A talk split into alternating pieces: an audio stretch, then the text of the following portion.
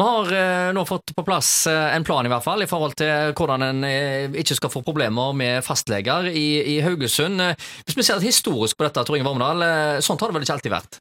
Nei, ja, ja, muligens var folk mindre syke før. Ja, de gikk ikke til legen så ofte? Nei, de gjorde jo ikke det. De hadde ikke råd til det. Så, Nei, det var det, det. det, det er så interessant det med fastlege. Mange som sier at ja, i Norge så går vi altfor ofte til lege. Det gjør vi faktisk ikke. Ja, Iallfall hvis du ser i europe, europeisk sammenheng. Så i Norge går en ca. fem ganger i året i gjennomsnitt til lege hvert år, og i Europa så er det seks ganger. Mm. Så vi nordmenn er ikke mer syke og sytete enn eh, europeere generelt. Nei, nei. Men sammenlignet med hvis du går f.eks. 100 år tilbake i tid, Ja. så er vi jo selvsagt mye mer eh, syke og vi oppsøker lege eh, oftere. da. Og en annen ting var jo det, at for 100 år siden, altså hvis du går tilbake til 1920-tallet Var vi som er- før, sier du?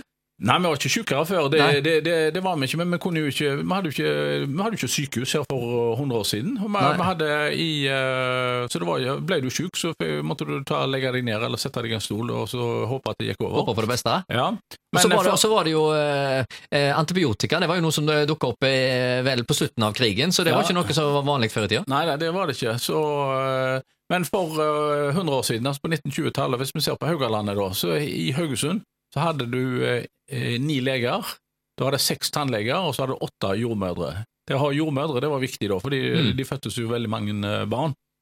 Og det var liksom jevnt over øh, ute i distriktene. De hadde ikke noe særlig leger, men de hadde mange jordmødre. Mm. Så, og ute i distriktene så hadde de jo ikke tannleger da. Det var Du måtte til Haugesund hvis du skulle til eh, tannlegen. Og tannlegebehandlingen den gangen var jo bare å trekke ut tennene. Det var, sa, det var så enkelt, ja. Ja, Kort var- prosess. Det, det, det var kort Hull i tanna, ok, Så- her finner vi fram en, en, tang, og så var det bare å dra det ut. Det var ikke noe bedøvelse heller den gangen, sikkert. Det er jo, de brukte eter. Å, gjorde de det? Ja da, så det, ja, det ja, ja. fikk du eh, da.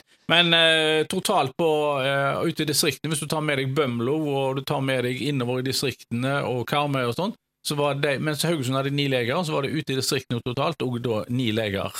Så det, det, det var en dårlig eh, legedekning, eh, for å si det sånt. og eh, det var faktisk dyrt å oppsøke lege, så ute i distriktene, hvis du ble dårlig, så var det mange da som rett og slett eh, døde, fordi at de hadde ikke råd til å tilkalle lege. Og de kunne ikke bytte med noen uh, gulrøtter og Nei, neper? nei altså, det, og det var jo spesielt transporten som var kostbare, fordi altså, le, legene hadde jo ikke bil, og det var, var Nei. ikke sykebil. Så, Det var ikke så mye veier heller. Så jo, veier var det for så vidt, men altså, det, det kosta veldig mye, eh, transporten eh, da.